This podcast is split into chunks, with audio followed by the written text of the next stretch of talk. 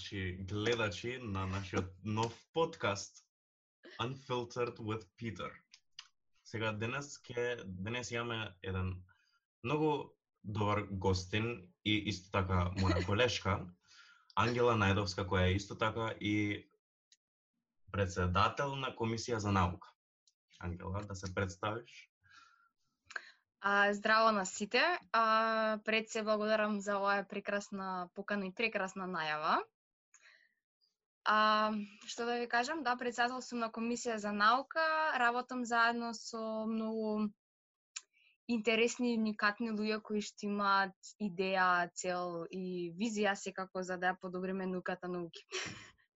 Добро, а покрај тоа што си председателка на комисија за наука, Што изучуваш, колку време учиш?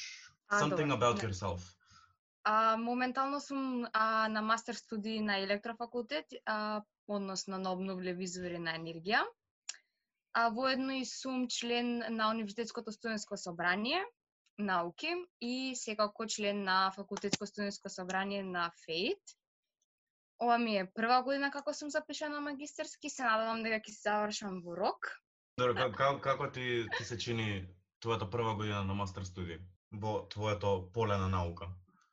А колку реално треба да го одговорам прашањево? Па знаејќи дека е unfiltered, прилично Многу? реално. Реално да Епа вака, а, сметам дека моменталната кон, концепција на, на втор циклус студии е лоша, затоа што студентите се, барем кај нас, мислам, ова не е не е дека е грешка на Фейт, ова е грешка на науким, затоа што не фигурира вака само Фейт, него фигурираат сите останати факултети. Значи, полагањето на семинарски е според мене лично лош концепт и воено моментот дека јас разбирам дека се пишуваме помалку студенти на втор циклус и дека никогаш не може да се има предавање, односно дека предавањето за еден човек не е не е рационално едноставно. Но сепак а, испаѓа дека е потешко да дипломираш отколку да магистрираш. И начин и можноста за учење на нови нешта зависи само индивидуално од човекот. Значи, колку, колку самиот студент сака да се вложи во својата струка. Не зависи од образовниот систем, него тој сам треба да истражува на тоа поле кој што сака да магистрира. Што лично според мене не треба еден образовен систем да го прави.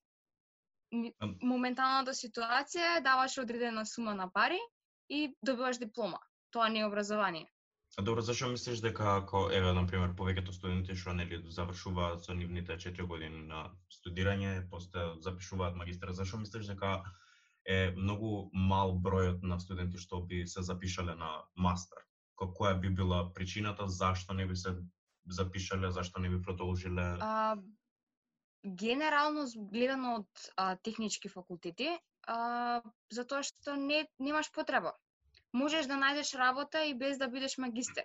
Магистерската е обично за доколку сакаш да се надоградиш себе си во некое поле најчесто студентите први се вработуваат, наоѓаат кај сака да работат, што и ги влече нив понатаму во животот да работат и после тоа врз база на таа работа прават магистерска а останатите што сакаат и што имаат желба и се надежни дека би останале на факултет, се запишуваат од сам старт на магистерски студии и потоа нели следи трет циклус и така натаму. А лично сметам дека да, не знам, не не е потребно, јас сакам да се надоградувам себе си, затоа решив да се запишам на втор циклус.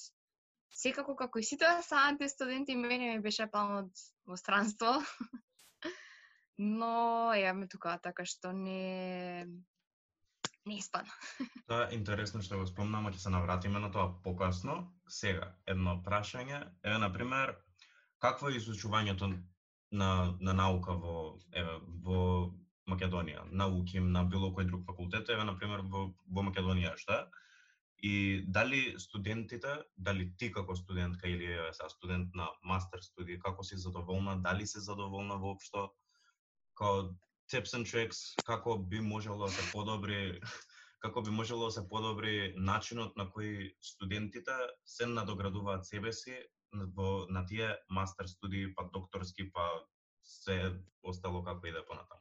Јасно. А вака, а, изучувањето на науката не е проблем. Значи, а, ние, барем Фейт ги, ги среди тие светски трендови на науката, промената на технологијата, се, се среди тоа. Значи, не е никаков проблем да се изучува. Проблемот е што не се имплементира. Не, ние немаме некои си можности да, да, да истражуваме, да, имаме, да правиме наука.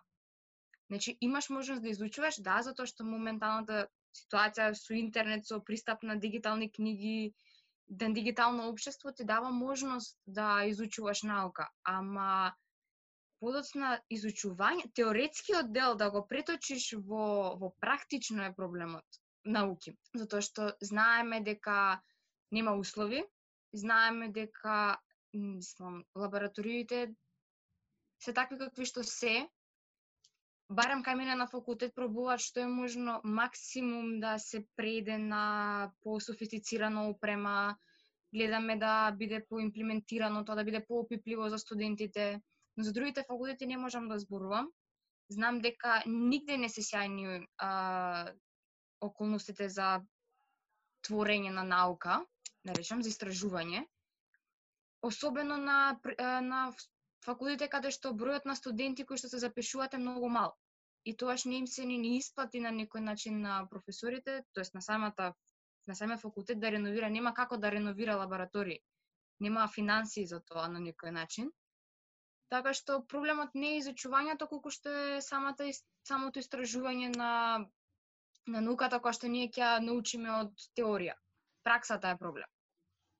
Mm -hmm. И не само кај, веројатно во цела Македонија, затоа што УКЕМ е сепак најголем универзитет, државен, а, кој што би требало да ги има најдобрите услови. Така што ако на УКЕМ е вака, е веројатно на другите исто. Добро, е, кога веќе станува збор за студенти што сакаат да се надоградуваат, еве дури бруцошите кога ќе почнат првите, првите години на нивните студии.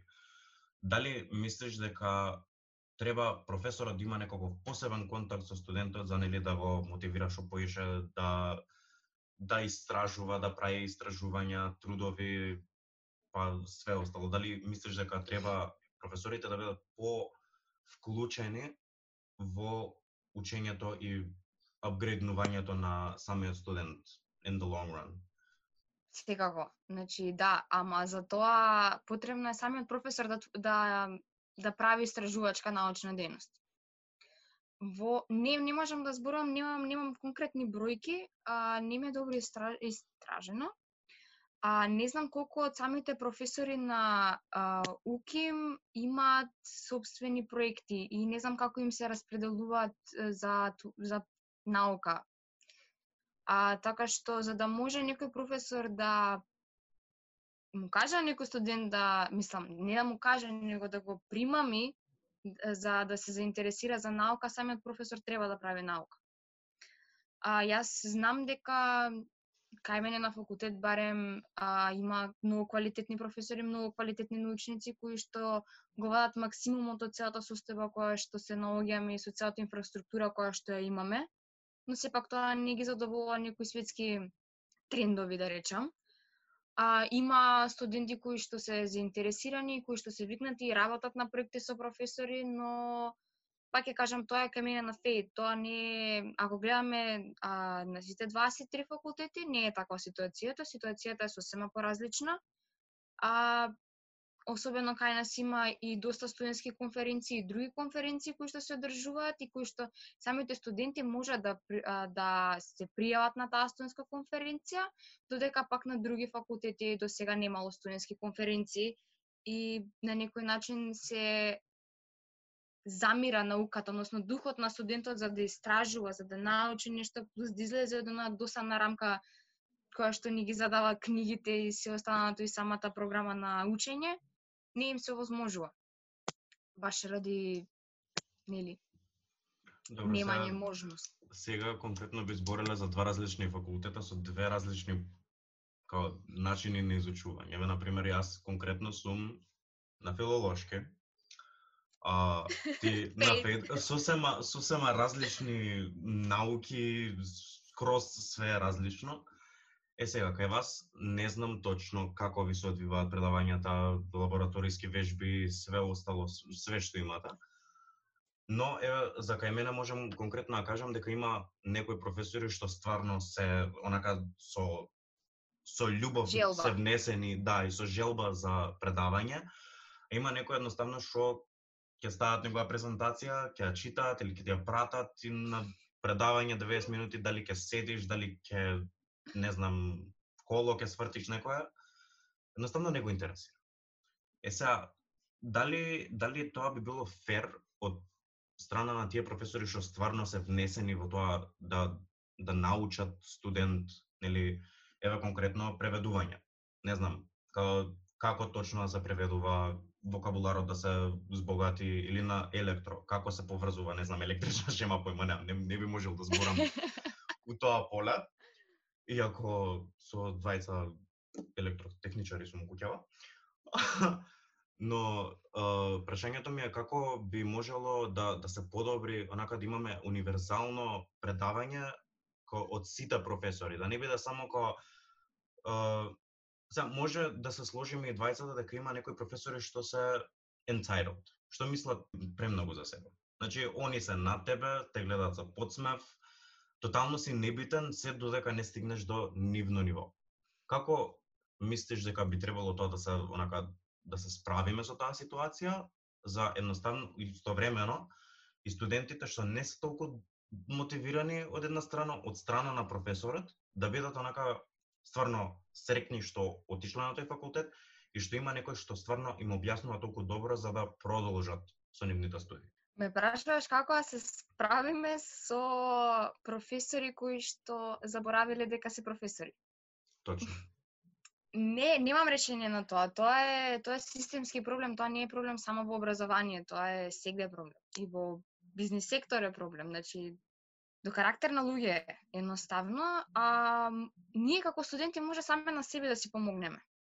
Значи да Јас лично не би влегувала во таа битка на со професор кој што нема елан за работа, кој што не кој што прекинал да си ја сака работата. А така што затоа што мислам дека изгубена битка, тоа станувам збор за професори кои што се веројатно во постарите години и едноставно само чека да се пензионираат. Мислам дека треба да се фокусираме на младите. А што значи тоа? Тоа значи дека има многу квалитетни студенти. Јас не знам, значи знам многу студенти што се на технички науки, што се квалитетни што би требале да продолжат дејноста на професор. Мислам дека така треба да се фокусираме, дека треба да гледаме што повеќе млади луѓе да останат на факултет, млади луѓе кои што се квалитетни. Значи не е било кој да остане. Значи сакаме да остане квалитет. А, зна, слушнавме неколку пати дека многу факултети би прекинале со работа доколку не се вработи некој кај нив. Да, Така тоа е голем што- проблем моментално. Да, значи ни требаат млади луѓе кои што први би работеле за пристојна плата, би биле вработени, значи од моментот кога ќе почне да врши дејноста на демонстратор или на асистент, мора да биде вработен затоа што ние знаеме и сега влегуваме во она бирократија лоша на треба да ти тече стаж, треба да земеш пензија, ама да, тоа е реалноста. Значи треба да треба од самиот момент да се вработи. За тој да не биде работа на договор на дело и само чекам да ми капне позиција да ме вработат на на не, на несигурно, затоа што така ги наместо да им дадете а, да не да им одмалите грижата на дали ќе се вработат, да ги натерате само да се фокусираат на наука и на добро предавање и на создавање на на некоја добра атмосфера меѓу млади луѓе за да сакаат да творат наука. Вие им давате друга грижа. Значи од 25 години до 30 години се годините каде што сите се градиме во кариерата, а не треба да да не знаеме што правиме. Тоа е веќе изгубено време. Мислам дека системот како што е направен моментално не не им е сигурен на младите и затоа не сакаат да останат на факултет. Не ги Не, трегаме на страна сите професори што се такви какви што се. И тоа тоа е изгубена битка, не може да го смениме ние човек. Треба да се сконцентрираме на на сегашноста како може сега да подобриме. Односно тие кога ќе се заминат, на нивно место да дојдат луѓе кои што стварно би ја сакале професијата и стварно би мотивирале млади луѓе да бидат подобри во таа професија. да не биде леле не сакам да одам на предавање кај овој ради X причини. Да, сите го имаме слушнато тоа, сите го имаме направено. Сите го имаме кажано. Да. А, пошто спомна да се направи некоја добра и солидна работна атмосфера, да има како интеракција помеѓу студент и професор. Као, може да да го поврзаме тоа на некој начин и со тоа што млади студенти, моја возраст, твоја возраст, одлучуваат да ги прекинат студиите овде и да одат на некое друго место надвор од родната држава. Како Зна, знаеш каде каде одам со прашањево? Да. Значи, сме го дискутирале многу пати насамо, ама еве сега да имаме една информација кон нашите колеги што ќе не слушаат и што ќе не гледаат на овој наш интересен подкаст. Кажи ми, како би можеле да се справиме со одливот на мозок? Као, например, ко, реал, да бидеме искрени, сите сме го размислувале, тоа ти кажа дека си го размислувала, јас го имам кажам дека го имам размислувано. Јас многу пати сум го размислувала. А, вака, јас имам многу драги луѓе кои што си имаат оцелено од државава само ради условите во кои што се наоѓам. И ова нема да зборувам сам, значи не е само проблем образование. Значи и квалитетот на образованието. Не, ред други работи пр- ко концепт на општество е тоа што не нас не демотивира. Мене мене ми е јас овде вработена сум и тоа е веројатно јас сакам работа која што ја работам. Исто така а, сакам ова што го работам моментално и сусеса и тоа е нешто што ми се значи на сите, не само мене, значи и не само ти, него сите сме размислувале да си одиме и знам многу луѓе кои што ќе завршат на дипломски, ќе си одат, which is fine, затоа што сите си ја бараме некако среќата и си го бараме местото во овој свет. А општеството е. Значи не е само образование, него целиот склоп на во место каде што ние живееме. Е такво едноставно и некои луѓе сакаат промена, сакаат да сменат нешто во животот, сакаат да сакаат промена. И тоа е во ред, но мислам дека ако станува збор за образование, да. Значи, вака, а, во трета година имав шанса да одам на натпревар и сватив дека знаењето кое што јас го имам стекнато не е на лошо ниво. Што значи тоа? Дека ние имаме квалитет, дека имаме квалитетни професори кои што ни го пренесува знаењето, ама сепак е индивидуално колку самиот студент ќе се фокусира на на својата кариера. Но, друго садевме, немаме никаква практика. Значи, ние отидовме со симулација, а канаѓаните отидоа со а, готов прототип за ветерна турбина, за искористување на брзина на ветер. Тоа беше лудо, значи страшно многу лудо. Да, звучи интересно. А, Сум не би знаела, проблемот. звучи интересно. Да, не, стварно, значи, забезекнати бевме. А, практика. Не, немаме практика, немаме услови, не само што не проблем се пак финансиите. И ова што се случува во моментот со COVID-19, уште така не уназадува за да може да искористиме одредени финансии од државата за наука или за образование. И ова ќе биде долг процес, огромен процес, А јас лично имам напишано неколку трудови, нема да кажам бројка за да не биде леле се ова се фали. Нема везе без злато, ајде тука наши сме си. Не, се не, шалам, не, не мора тоа. И големиот дел од нив биле подпомогнати од фирма. Што значи тоа? Дека ако сакаме ние да просперираме некако и да имаме, значи ние имаме квалитетни студенти. Затоа што немаме практика, а имаме теорија. Ако студентот си седнал и си ја сака струката и сака да постигне нешто во животот, нема да му треба две години да се да влезе во оној систем на работа, ако оди во некој погон или во било која фирма да оди, не е битно.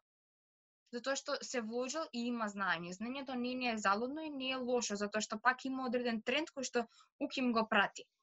Практиката е она која што нас не смета. Ако немаш практика, не можеш да твориш наука. Затоа што науката не се состои од теоретски Значи мора да докажеш. Не е не е нешто што само ќе кажам ветро дува на исток и да немам доказ дека дува на исток.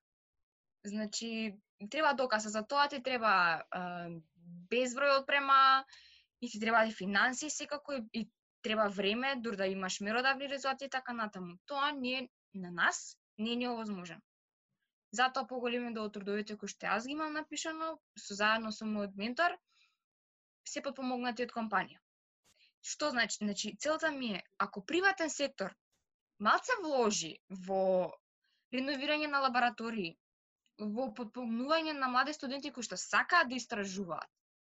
Не само што кога ќе дипломира ќе си има некој што би сакал да се вработи во неговата компанија и ќе има квалитетен вработен, туку и всушност ќе направи добро дело на образованието, мислам, вин-вин е ситуацијава.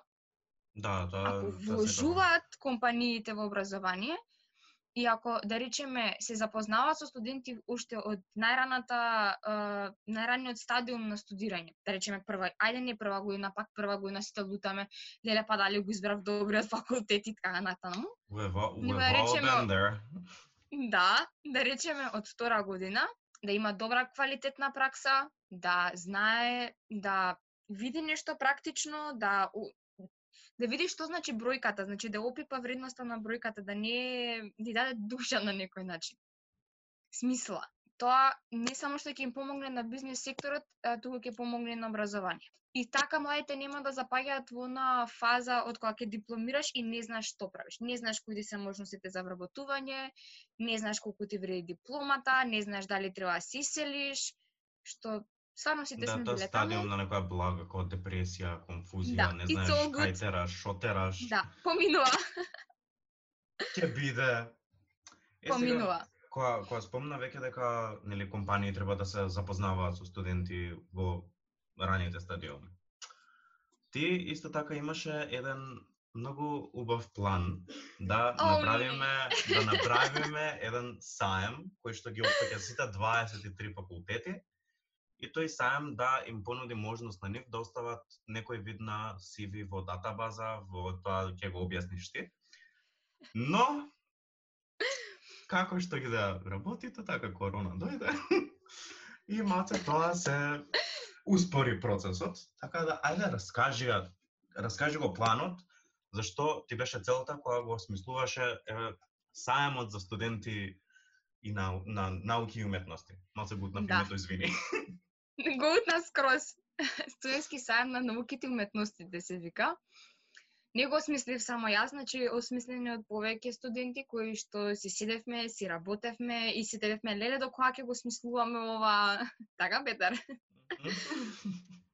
А, значи вака, кај нас на Фейт а, си има случувано нешто вакво, но јас како студент сум ги гледала линките од тоа и сега веќе кога бев во можност да го направам подобро, решив да го направиме сите заедно подобро. А, но како што кажувам, вака доаѓа моментот на Фейт, Фейт, Фейт, Фейт. Да, ама Фейт е многу добро организиран факултет пред се и стварно многу прави за студентите. Значи стварно а, имаме можности, значи со тоа со, со условите максимумот се постигнува. А и како такво мислам, вака беше целата да замисла, замислата беше да се вклучиме се 23 факултети за прв пат, да се соединиме сите и да бидеме сплотени, затоа што јас имам еден момент кај што многу сакам да се сплотуваме сите, покрај тоа што сме различни а, струки, да речам, пак ние сме поврзани. Јас, пример, не можам со некој, не можам без архитекти, без градежници, без програмери, без машинци. Значи, не можеме ни без други, мора се сплотиме. А, и решивме да направиме студентски сајм, каде што компании ќе се промовираат себе си. А, и студентите ќе може да се запознаат со тој сајм, воедно ќе им се дадеше можност е, со, со да се запознаат со тој сајм. да се запознаат со компаниите од нивниот сектор. Воедно на самите средношколци ќе им се возможеше да видат доколку се запишат на одреден смер од факултетот, кои им се можностите за понатаму за работа. Мене лично ми се има случајно. Значи, прво сакам да запишам на ФЕД и треба да запишам и одма моите. Е, Шо ќе работиш со оваа струка? Значи не е Па, така, значи Добро, јас така три факултети мислев да сменам, прво тргнав на кај Финки, па правен, И- па и на крај завршив на филолошки, што и па гледаш и па за, Супер. за ова зборувам, треба да им се даде можност затоа што- затоа што чим го има смерот, значи има работа за за то, во тоа поле. Не е залудно ставено тоа така, да си стои.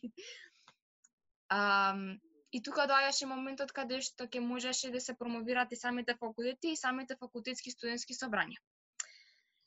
И на моја огромна жалост, што не се случи третиот ден, за прв пат ќе им се возможеше на уметничките факултети да си ги презентираат своите дела пред општата јавност и своите изложби, не само уметничките дел, а, уметничките факултети, него и други факултети кои што имаат изложби, пример ПМФ, јас не знаев дека и они прават нешто уметничко и педагошки, значи Сајмов беше буквално еден а, многу убав настан и траше да биде како прв настан на УСС каде што ќе се Да, многу беше, сите. ќе беше магично тоа, е многу Да, значи ќе беше стварно магично. Не дека мај. заземам страна и не дека јас учествував во организирањето на, на настанот, ама да бидеме искрени, тоа беше стварно добра идеја. Пошто реално некако од као, од време на време накако ќе седнам на нака deep thoughts во 3 саца и да размислам како некако in a way како да познаваме луѓе од други факултети, ама дали сме стварно поврзани, дали стварно ги знаеме, дали знаеме што изучува.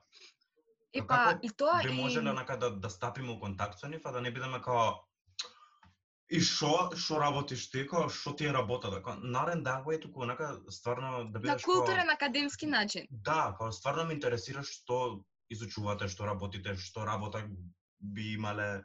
Као, in that way. Као, и планот беше као онака amazing, као Да. amazing. Ама Е, се деси Тоа е. што се деси. а чекај него да објаснив, значи а ќе се дадеше можност а самите компании да имат интервјуа со студентите за пракси за вработување, значи тоа ќе беше нешто многу добро од страна јас сум била на неколку интервјуа и првото интервју ми беше хаос, значи хаос. Прем бева преголема паника, а и ова ќе им се можност на студентите да се опушат затоа што пред себе биле во средина која што на нив до, не е доволно позната. А и друга работа е беше што ќе имаше панел дискусии кои што ќе беа темите би се давале од компаниите, односно да доколку компанијата развива некоја некој си нов процес.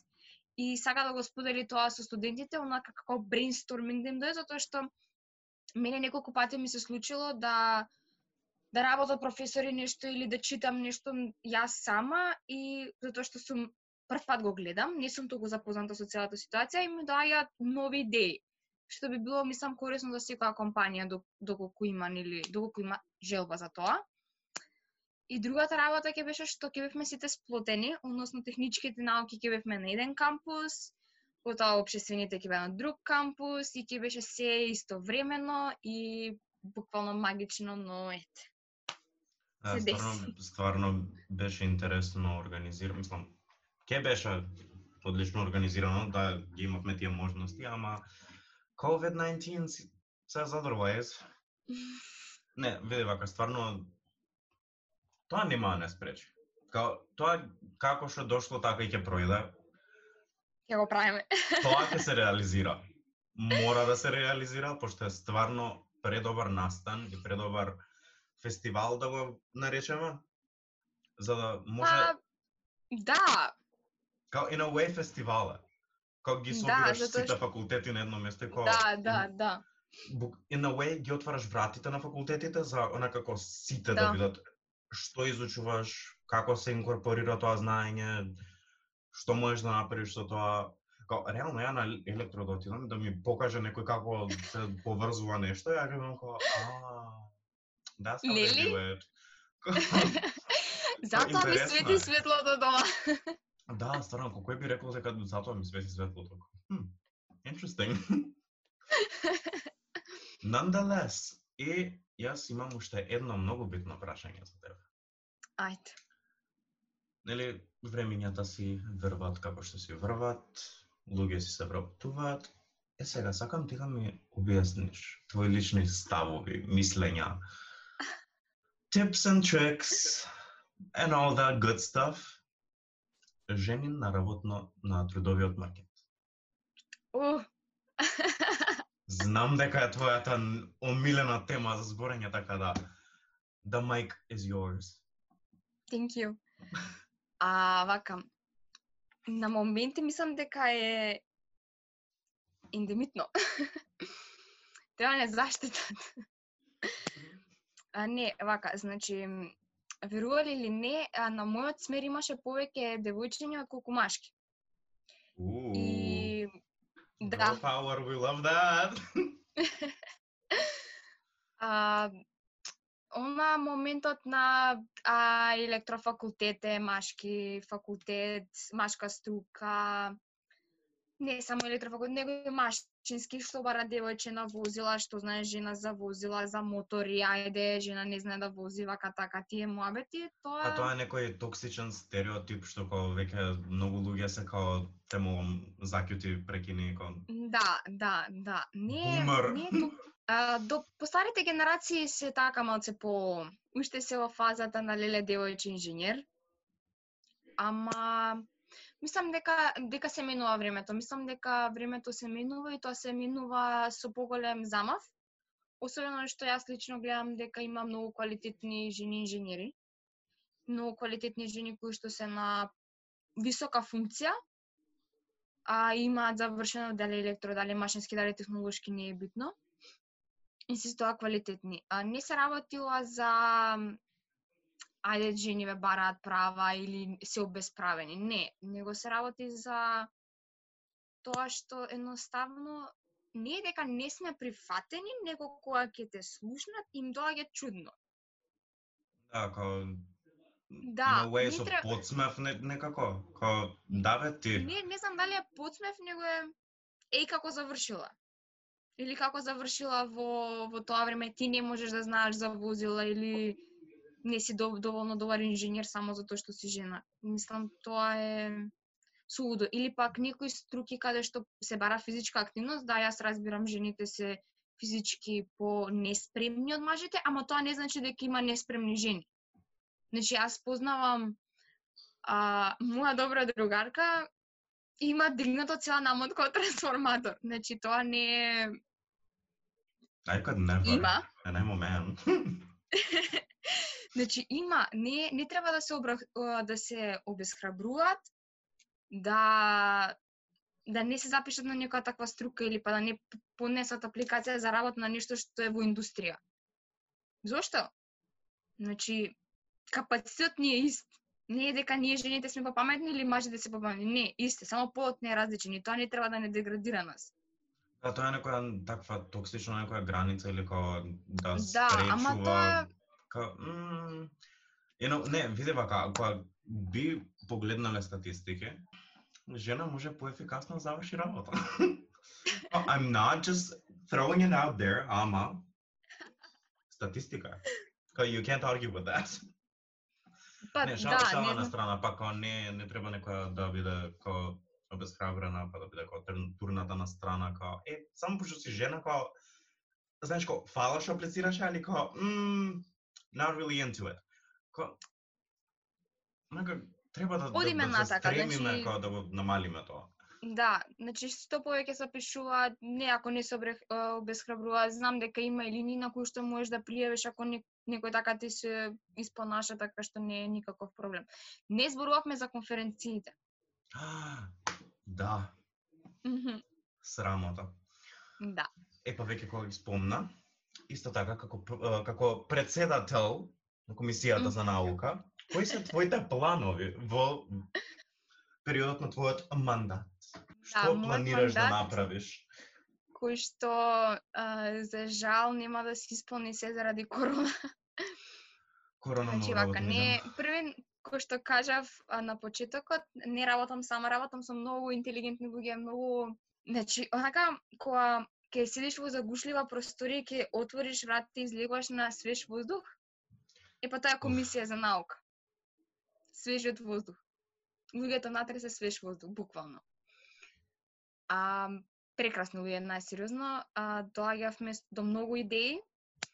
Јас кој што кажав, на електро функционира добро работите, ние на електро имаме а, студентска конференција, Скеор, бев председател, 2018 И потикната од а, тој импакт што го имаше Скеор а, за студентите, а, решивме да правиме студентски конференции на сите факултети. А што значи тоа? Дека сите сродни факултети Сега прво што ми текнува се ПМФ, ТМФ фармација. Техничките, тоа по природа ти доаѓа таму, Да, по пошто што таму си поминала пет години.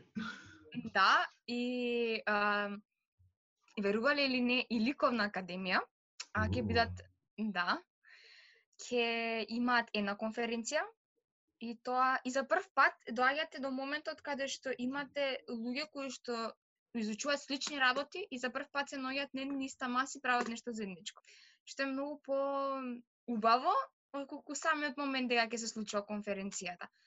Конференцијата како таква е една екстремно многу добра можност за секој студент. Јас лично ја препорачувам на сите, ќе се одржува во октомври, значи октомври е планот да биде месец на наука.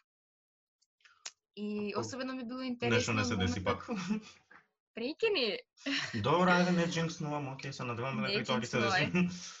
Да, и особено моменти дека ќе има и бруцаши и ќе може да се запознаат подобро со самите активности на факултетот. А исто така ќе им даде можности на студентите за прв пат да истражуваат нешто што они сакаат, а не се дава можност да го истражат затоа што немале што да направат со тоа истражување или си читале сами, ама ништо не ставиле на парче хартија, односно во Word.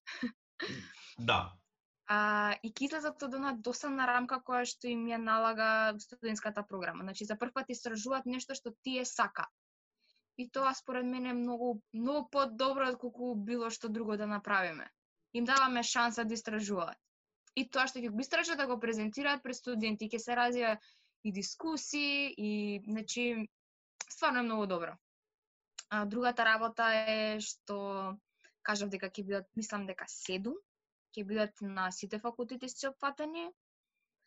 А исто така планираме и работилници. Значи цело време зборува за тоа практичните знаења, е па доаѓаме до моментот каде што ние како комисија за наука ќе овозможиме ќе дадеме максимум од себе да се стекнат студентите со одредена а, практична настава. Неколку работилници се изработуваат во моментот, ќе имате ќе ги презентираме, ќе има повик, не е тоа никаков проблем. А, и секако ги охрабрувам сте студенти кои што се од тие струки ги интересира да се приклучат во работилниците. Надежно ќе бидат во ноември, не знаеме.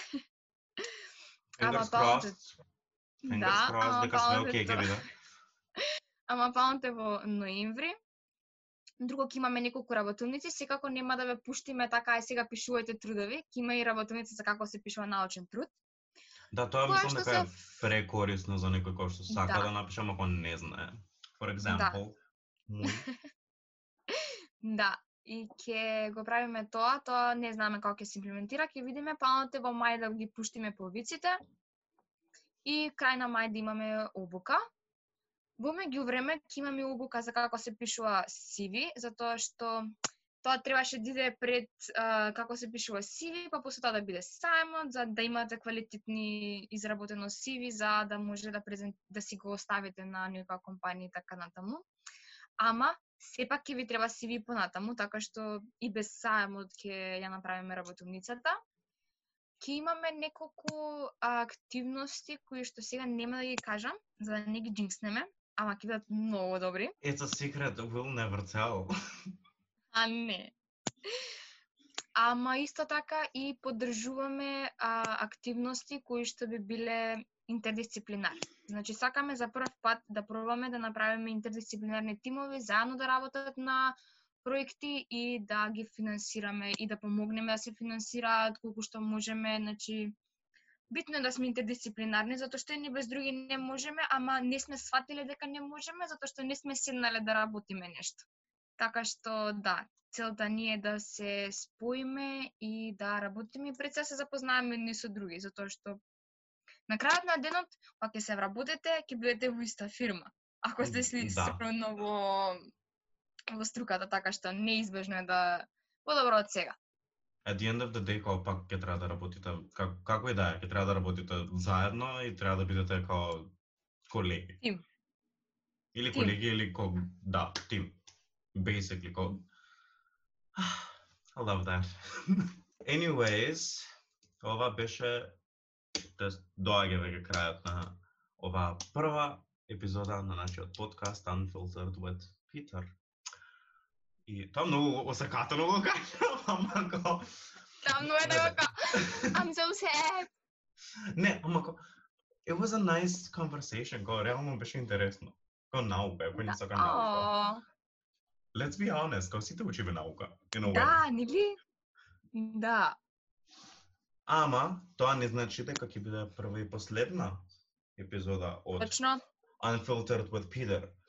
Секоја секоја недела probably кога ќе ќе вадиме нови um, нови теми на муавет, некои што се како нека mm, affairs конкретни, точни. Табу. Во момент да, леле да. Mm, love that. Uh, anyways, Ангела мило ми беше што присуствуваше на мојот подкаст за Мене темата која и двајцата ја обожаваме. И дали имаш нешто друго да им кажеш на нашите гледачи, слушатели, колеги, колешки, Оу, да. професори? Скрос. Скрос на сите. Значи, вака, наука не лаже, факт е тоа, значи затоа наука е, значи докажано е, значи нема нема што да зборуваме. А предпоставам ова ќе се имитува и ние се што ќе бидеме во карантин, а затоа сакам да кажам некои си работи во врска со тоа, значи Пратете ја науката на настаните и не не слушајте било кој за тоа што едноставно не се сите стручњаци во таа тема. Значи има луѓе кои што заработуваат пари од таа тема и ја сакаат да ја работат. Значи кога некој ќе ви каже да седите дома, ќе седите дома затоа што не ке, не дека не сака да му се масате низ улици, него потребно е затоа што е научно докажано дека така ќе се стабилизира. И кога ќе ви каже некој мите раце, да мите раце. И кога ќе ви каже дека некој се носи маска, се носи маска. И се носи на Ама убава. така маската На ја нос. носат тие што се заболени. Ка, Да, ама треба пак. сите да ја носат. Ама и either way, почитувајте ги препораките ху што ги кажува Точно. World И Health едно метро, значи или две. Сега го зголиме на две. Метро и пол. Метро, не, две. Значи не метро и пол, две. Добро, to be, to be safe, два и пол метра. Најсигурно. Да. По- почитувајте ги тие правила, stay safe, stay home, вежбајте. А. Да, мора да вежбате, значи, мора... Пошто карантинов ќе излеземе како гјуленца. And we Не love that. значи. We love that. We're gonna be chubby bunnies. Значи имаме имаме желба да исклучиме од карантинов пред лето, така што вежбајте за да имате добро тело на плажа. Ако дочекаме да идеме на плажа. Ah, dreams. да. м. Ова е тажно више. да. И па, дечки, фала ви што трпевте овие неколку минути, часа, не знам колку ќе колку ќе трае ова. Мене кратко ми трае, мене кратко ми траеше ова. И мене им се збори уште. Да, Ама вакви добре. некои интересни муабети многу, многу, многу кратко личат дека траат. But nonetheless, nonetheless, ние ќе си продолжиме пак со нашите муабети, а до сите други што не слушаат и што ќе не гледаат, не знаеме како ќе ги објавиме овие, ама што и да правите, we love you, се надевам дека ќе не uh, сапортнете, да не бидам од оној клише јутуберот, а like, share и subscribe to my YouTube channel. А, го- down below. Стиснете го звончето за да да стигаат апдейтс. We're not If you like this video, please subscribe. like, share and subscribe, please. Да. Anyways, многу љубов од нас двајца и ќе се видиме во наредната епизода.